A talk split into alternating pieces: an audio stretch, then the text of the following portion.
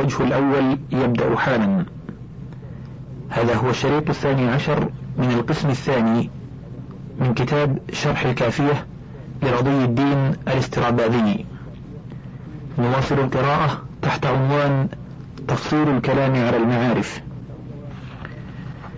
وإنما أعد الأول من الأعلام دون الثاني بدليل صرف تمرة وجرادة لأنهم رأوا بعضه منقولا كالأعلام من مدلول إلى آخر. فإن أفعل مثلا وضع لغة للزائد في الفعل على آخر فهو من الفعل كأكبر من الكبر. ثم عبر به عن كل لفظ أوله همزة مزيدة مفتوحة وثانيه فاء ساكنة بعدها عين مفتوحة بعدها لام وبعضه مرتجل كارتجال الأعلام نحو قولك فعللة التي هي مصدر رباعي حكمها كذا فإن فعلله لا معنى لها لغة.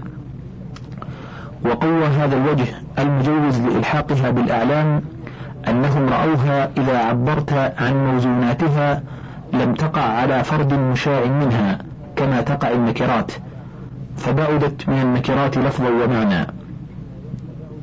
فإن قلت فلما جعلوا هذه الكنايات من قسم الأعلام دون الأوزان التي يكنى بها عن موزوناتها مع اعتبار معنى الموزونات كما تقول مررت برجل فاعل أي عاقل أو جاهل على حسب القرينة القائمة على المعنى المراد.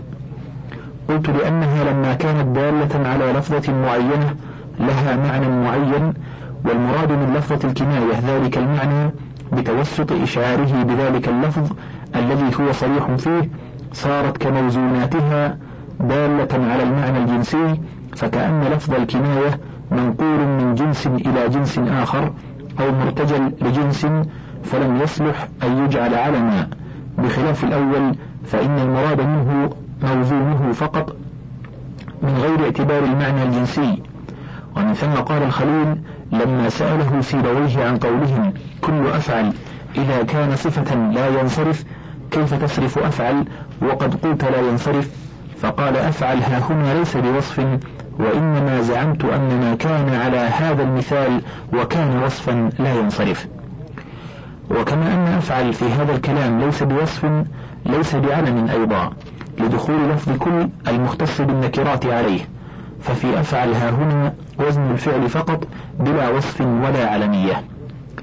وإن كان موزون هذه الأوزان معها كما تقول وزن إصبع إفعل فالأولى والأكثر أنه لا يجري مجرى الأعلام. فيصرف إفعل إذ كان الأول أعني الذي عبر به من لفظ موزونه إنما أجري مجرى الأعلام لكونه كالعلم منقولا إلى مدلول آخر. أعني الموزون أو مرتجلا له. وأفعل في قولك وزن إصبع إفعل ليس عبارة عن الموزون. بل عن الوزن فقط أي وزن إصبع. هذا الوزن لا هذا الموزون.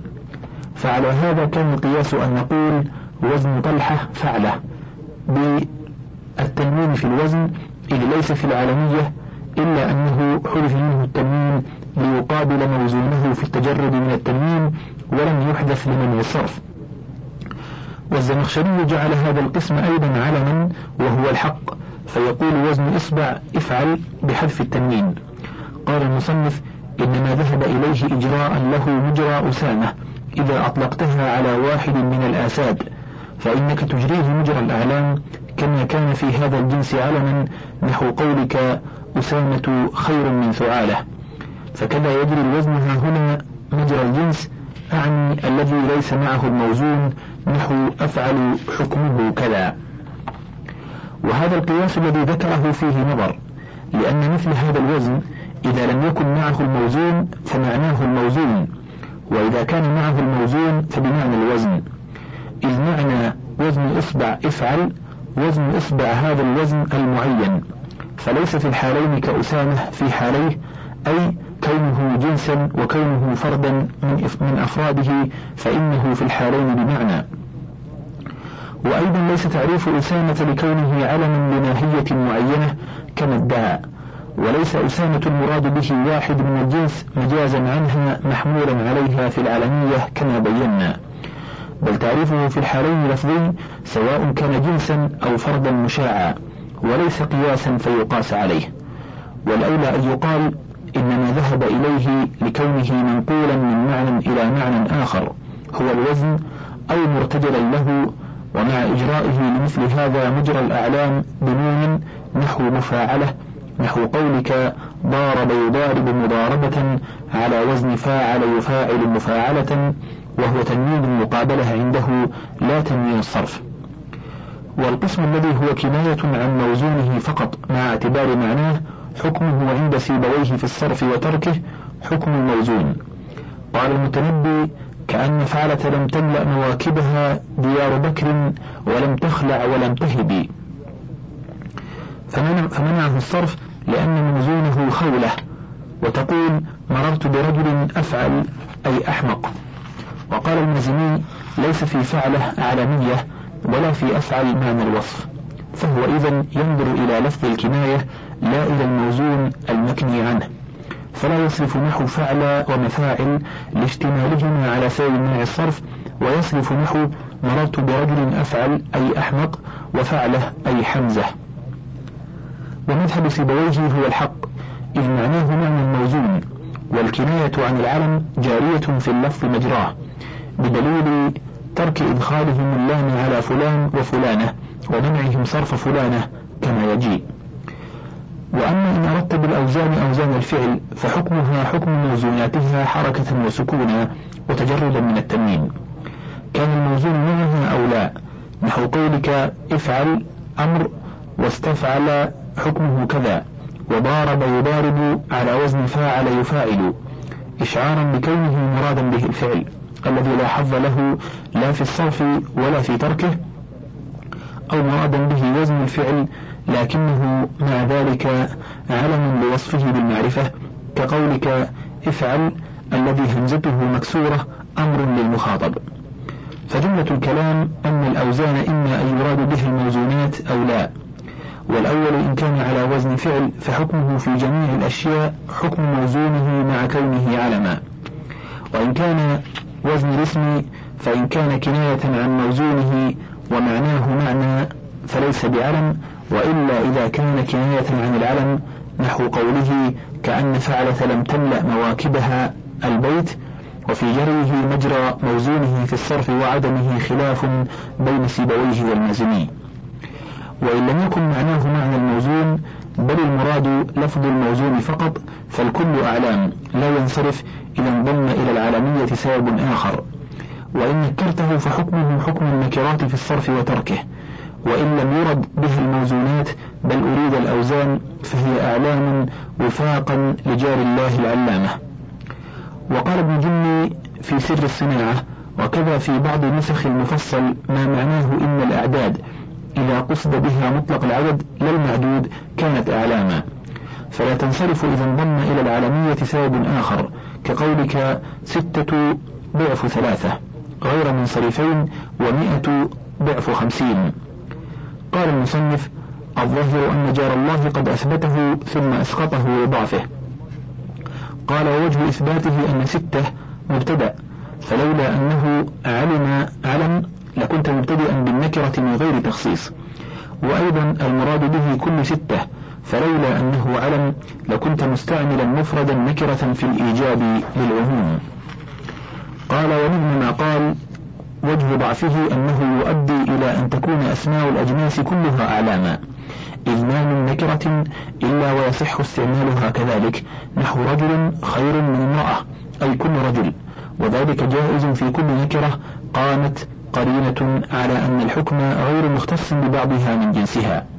فمجوز الابتداء بالنكرة ها هنا كونها للعموم وقال جاءت النكرة غير المبتدأ أيضا في الإيجاب المستغرق لكن قليلا. كقوله تعالى علمت نفس ما قدمت وقوله ونفس وما سواها.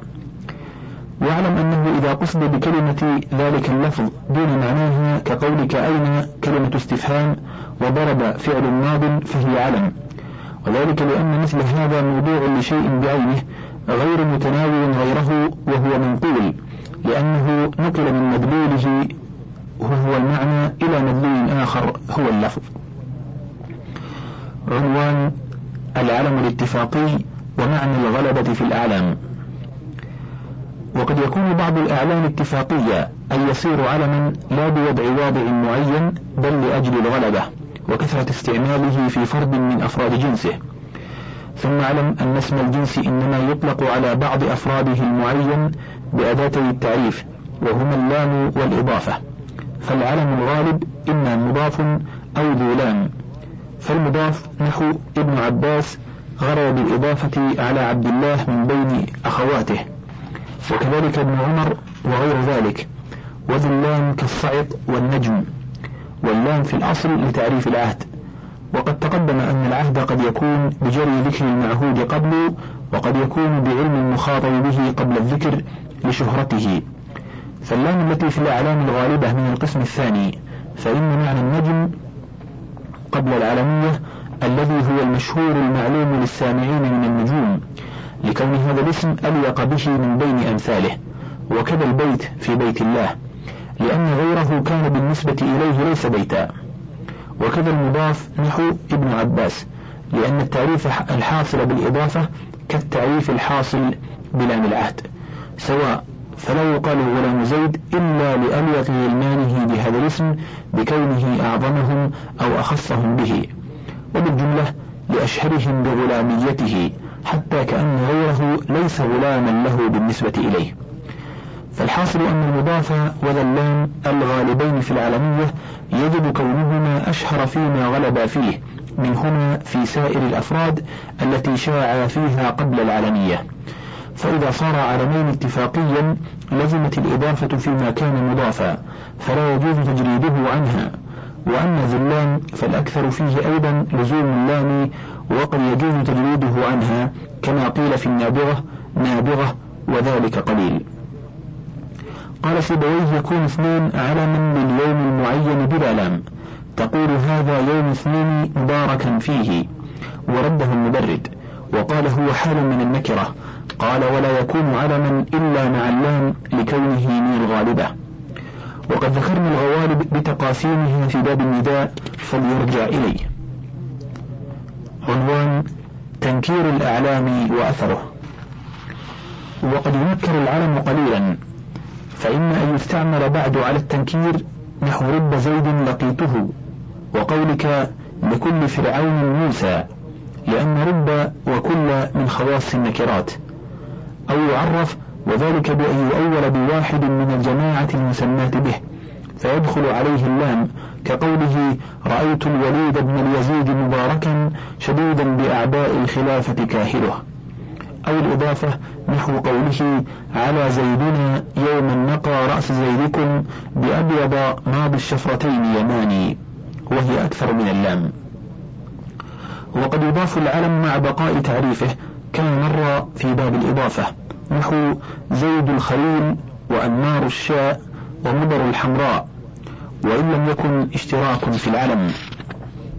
وإذا سمي العلم أو جمع فلا بد من زوال التعريف العالمي لأن هذا التعريف إنما كان بسبب وضع اللفظ على معين والعلم المثنى أو المجموع ليس موضوعا إلا في أسماء معدودة نحو أبانين وعنايتين وعرفات كما يجي فإذا زال التعريف العالمي وقد قلنا إن تنكير الإعلام قليل قال المصنف وجب جبر ذلك التعريف الفائت بأخصر أداتي التعريف وهي اللام. بأخصر أداتي التعريف وهي اللام. فلا يكون مثنى العلم ومجموعه إلا مع معرفين باللام العهدية. كما قلنا في نحو قولك خرج القاضي إذا لم يكن في البلاد, في البلد غيره أو كان أشهر بحيث يرجع مطلق اللفظ عليه. وابن يعيش لا يوجب جبر التعريف الفائت من المثنى والمجموع بل يجيز تنكيرهما ووصفهما بالنكرة والاستقراء يقوي ما ذهب إليه المصنف مع القياس. وأجري مجرى العلم الحقيقي العلم اللفظي فقيل في تثنية أسامة وجمعه الأسامتان والأسامات. فإن قيل فعلى ما قررت تنكير العلم من لوازم تثنيته وجمعه وتنكيره قليل مخالف للقياس فوجب قلته فوجب قلتها أيضا وليس كذلك. قيل العلم واقع في كلامهم كثيرا فلو لم يثنوه ولم يجمعوه لأدى إلى مثل ما كرهوه من مثل جاءني رجل ورجل ورجل. ولما علم علموا أنهم إذا ثنوه وجمعوه أدى إلى تنكيره الذي هو قليل مخالف للقياس قصدوا إلى تثنيته وجمعه على وجه يراعى فيه ما يندفع به ذلك. فجبروا التعريف الزائل بإلزامه اللام لزوم التعريف العالمي له. فكان فيه توفير الأمرين جميعا الخلاص من التكرير الشنيع وحفظ العلم من التنكير بتعريف آخر. وإن كان التعريفان متغايرين لكنه غاية المجهود. وقد جاء بعض المثنى والمجموع غير مجبور باللام وذلك في أشياء مشتركة في الأسماء لازم تصاحبها كأبانين لجبلين متقابلين. يقال لأحدهما أبان الريان لكثرة الماء فيه وللآخر أبان العطشان لقلة الماء فيه. وكذا عنايتان جبلان متقابلان لهذيل متقاربان اسم كل منهما عناية وكذا جماديان وإنما جاء تجريد هذه الأسماء من اللام لأن أحد الجبلين مثلا لما لم ينفرد من الآخر جاز أن يكون كالشيء الواحد المسمى بالمثنى كما تسمي مثلا شخصا بزيدان. بخلاف شخصين مسمى كل منهما بزيد فإن الأغلب فيهما لما كان هو الانفكاك لم يكونا كشخص واحد مسمى بالمثنى حتى يقال لهما زيدان. وعرفات كأبانين وعمايتين كأن كل موضع منها كان يسمى عرفة. وأما أذرعات لبلد بالشام فليس من هذا إذ لا يقال لبعض منه أذرعة بل هو كمساجد موضوعا لشخص معين. عنوان الكناية عن الآلام. واعلم أنه يكنى بفلان وفلانة عن أعلام الأناسي خاصة فيجريان مجرى المكني عنه. أي يكونان كالعلم فلا يدخلهما اللام ويمتنع صرف فلانة كما يجري أفعل بمعنى أحمق مجرى المكني عنه في الامتناع من الصرف على ما مر. ولا يجوز تنكير فلان كسائر الأعلام فلا يقال جاءني فلان وفلان آخر إذ هو موضوع للكناية عن العلم. وإذا كني عن الكنى قيل أبو فلان وأم فلان. وإذا كني بفلان وفلانة عن أعلام البهائم أسماء كانت أو كنى أدخل عليهما لام التعريف فيقال الفلان والفلانة وأبو الفلان وأم الفلان لقصد الفرق. وكانت كناية البهائم أولى باللام من كناية أعلام الإنسان لأن أنثى الإنسان بجنسه أكثر فهو عنده أشهر من أعلام البهائم فكان فيها نوع تنكير. قال ابن السراج وتبعه المصنف إن لفظ فلان لم يأتي إلا محكيا كقوله تعالى ليتني لم أتخذ فلانا خليلا وهو منتقد بما روى الأصمعي عن مرار الفقعسي سكنوا شبيثا والأحص وأصبحوا نزلت منازلهم بنو ذبيان وإذا فلان مات عن أكرمة سدوا معاوز فقده بفلان. ويقول معنى بن أوس المزني بل وبقول معنى بن أوس المزني أخذت بعين المال حتى نهكته وبالدين حتى ما أكاد أداني. وحتى سألت القرض عند باب الغنى ورد فلان حاجتي وفلان عنوان الكناية عن غير الأعلام. ويكنى بهن وهنة مفتوحة العين وهنت وهنت ساكنتها عن اسم الجنس غير العلم فلا تصرف هنة ويدخل جميعها اللام ويدخل جميعها اللام وإذا سكنت النون فتاء التأنيث مبدلة من اللام كما في أخت وبنت. وسكنت العين للإيذان بأن التاء ليست لمجرد التأنيث لأن تاء التأنيث يفتح ما قبلها.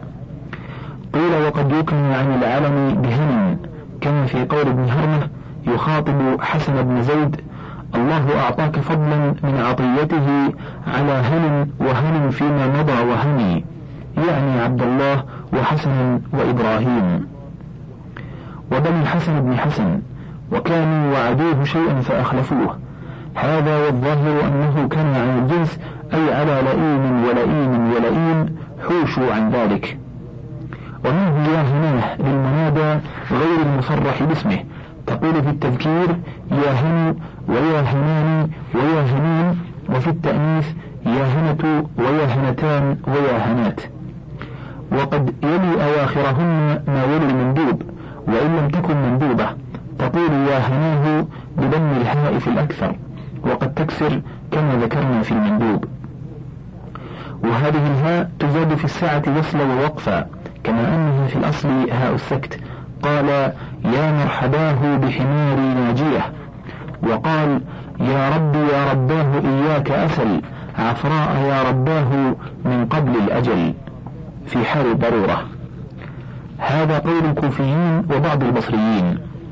ولما رأى أكثر البصريين ثبوت الهاء وصلا في السعة أعني في هناه مضمومة ظنوا أنها لام الكلمة التي هي واو في هنوات كما أبدلت في هنيهة. وقال بعضهم هي بدل من الهمزة المبدلة من الواو إبدالها في كساء وإن لم يستعمل هناء كما أبدلوا في إياك فقالوا هياك ومجيء الكسر في هناه يقوي مذهب الكوفيين وأيضا اختصاص الألف والهاء بالنداء وأيضا لحاق الألف والهاء في جميع تصاريفه وصلا. على ما حكى الأخفش نحو يا هناه ويا هناناه أو يا هنانيه كما مر في المندوب. ويكنى بهنيت عن جامعت ونحوه من الأفعال المستهجنة والقياس هنيت لأن لامه واو بدليل هنوات. عنوان النقل والارتجال في الأعلام. واعلم أن العلم إما منقول أو مرتجل والمنقول أغلب. وهو إما عن اسم عين كثور وأسد أو معنى كفضل والاسم إما صفة كحاتم أو غيرها كمر وقد يكون الاسم صوتا كلبة وإما عن فعل إما ماض كشمر وكعسب كعسب وإما مضارع كتغلب ويشكر وإما أمر كاسمت لبرية معينة وقيل هو علم علم الجنس لكل مكان قفر كأسامة. تقول لقيته بوحش اصمت وبلد اصمت والوحش المكان الخالي. وكسر ميم اصمت والمسموع في الأمر الضم لأن الأعلام كثيرا ما يغير لفظها عن النقل تبعا لنقل معانيها. كما قيل في شمس بن مالك شمس بضم الشين. والمرتجل ما لا معنى له في الأجناس من قولهم ارتجل الخطبة أي اخترعها من غير روية وهو من ارتجل الأمر كأنه فعله قائما على رجليه من غير أن يقعد متأنيا فيه. والمرتجل نحو حنتف وفقعس وقال بعضهم هنا منقولان من الحنتف وهو الجراد والفقعس أي البلادة. وما كان مشتقا من تركيب مستعمل لكن غير للعلمية بزيادة كغطفان من غطف العيش أي سعته وبن أو بنقصانه كعمر مع تغيير الحركة. كان أو لا فهو أيضا مرتجل إذ ليس منقولا من مسمى إلى آخر وإن كان مشتقا. وأما إن غير ما هو ثابت في الجنس إن بفك الإدغام كما في محبب اسم رجل والقياس محب وليس من تركيب محب كقردد ومهبد لأن هذا التركيب غير مستعمل. وإن بفتح المكسور كموضب لأرض وموهب لرجل والقياس كسر العين كموعد وموضع. وليس على فوعل من مضب ومهب لأنهما لم يستعملا في كلامهم. وإما بكسر مفتوح كمعدي كرب عند من قال أصله معدى كمغزى لا معدي. وإما بتصحيح ما يعل كمكوزة لرجل ومريم وليس بفعولة وفعيل من مكز ومرم لعدم استعمالهما. وأما مدين فيجوز أن يكون من مدن أي أقام وإما بإعلال ما يصحح كحيوة لرجل والقياس حية لأنه عند سيبويه عينها ولامها ياء والحاوي والحواء ليس من تركيبها. بل من حوى أي جمع لجمعه لما في سقطه وعند غيره أصل حية حية لقولهم الحاوي والحواء قلبت العين إلى موضع اللام في حية عندهم. فالكلمة بهذه التغييرات عند النحاة تصير مرتبرة لأنها لم تستعمل في الأجناس مع هذه التغيرات ولو قيل بنقلها والتغيير إما مع النقل أو بعده في حال العلمية كما في شمس لجاز. عنوان الاسم واللقب والكنية وحكمها عند الاجتماع. والأعلام على ثلاثة أضرب. إما اسم وهو الذي لا يقصد به مدح ولا ذم كزيد وعمر أو لقب وهو ما يقصد به أحدهما كبطة وقفة وعائذ الكلب في الذم وكالمصطفى والمرتضى ومظفر الدين وفخر الدين في المدح.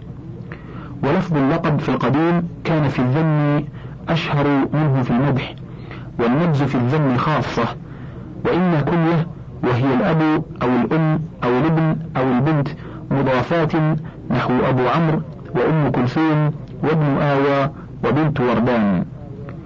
والكنية من كنيت أي سترت وعرضت كالكناية سواء لأنه يعرض بها عن الاسم والكنية عند العرب يقصد بها التعظيم. والفرق بينها وبين اللقب معنى أن اللقب يمدح به الملقب به أو يذم بمعنى ذلك اللفظ بخلاف الكنية فإنه لا يعظم المكني بمعناها بل بعدم التصريح بالاسم. فإن بعض النفوس تأنف من أن تخاطب باسمها. وقد يكن الشخص بالأولاد الذين له كأبي الحسن لأمير المؤمنين علي رضي الله عنه وقد يكنى في الصغر تفاؤلا بأن يعيش حتى يصير له ولد اسمه ذاك وإذا قصد الجمع بين الاسم واللقب أتي بالاسم أولا ثم باللقب لكون اللقب أشهر لأن فيه العالمية مع شيء آخر من معنى النعت فلو أتي به أولا لأغنى عن الاسم فلم يجتمعا. ثم إن أن يتبع اللقب الاسم عطف بيان له لكونه أشهر أو يقطع عنه رفعا أو نصبا على المدح أو الذم لكونه متضمنا لأحدهما. ويجوز الإتباع والقطع المذكوران سواء كان مفردين أو مضافين أو مختلفين في ذلك. وإن كان مفردين أو أولهما جاز إضافة الاسم إلى اللقب كما تقدم في باب الإضافة. وظاهر كلام البصريين وجوب الإضافة عند إفرادهما. وقد أجاز الزجاج والفراء الإتباع أيضا وهو الأولى لما روى الفراء قيس قفة ويحيى عينان لرجل ضخم العينين وابن قيس الرقيات بتنوين قيس وإجراء الرقيات عليه. والأشهر إضافة قيس إلى الرقيات إما على أن الرقيات لقب لقيس والإضافة كسعيد كرز أو على أن الإضافة لأدنى ملابسة لنكاحه نسوة اسم كل منهن رقية. وقيل هن جداته وقيل شدد بثلاث نسوة كذلك. قال قل ابن قيس أخي الرقيات ما أحسن العرف في المصيبات. وقال الشاعر في الإجراء ومن طلب الأوتار ما حز أنفه قصير ورام الموت بالسيف بيهس. نعامة لما صرع القوم رهطه تبين في أثوابه كيف يلبس. وقد ينقل العلم عن المركب كما سبق في باب المركب شرحه. عنوان التسمية بالمثنى والجمع. ثم نقول إذا أردت التسمية بشيء من الألفاظ فإن كان ذلك اللفظ مثنى أو مجموعا على حده كضاربان وضاربون أو جاريا مجراها كاثنان وعشرون أعرب في الأكثر إعرابه قبل التسمية. ويجوز أن تجعل النون في كليهما معتقد الإعراب بشرط ألا تتجاوز حروف الكلمة سبعة لأن حروف قرع دلانة غاية عدد حروف الكلمة فلا تجعل النون في مستعتبان ومستعتبون معتقد الإعراب.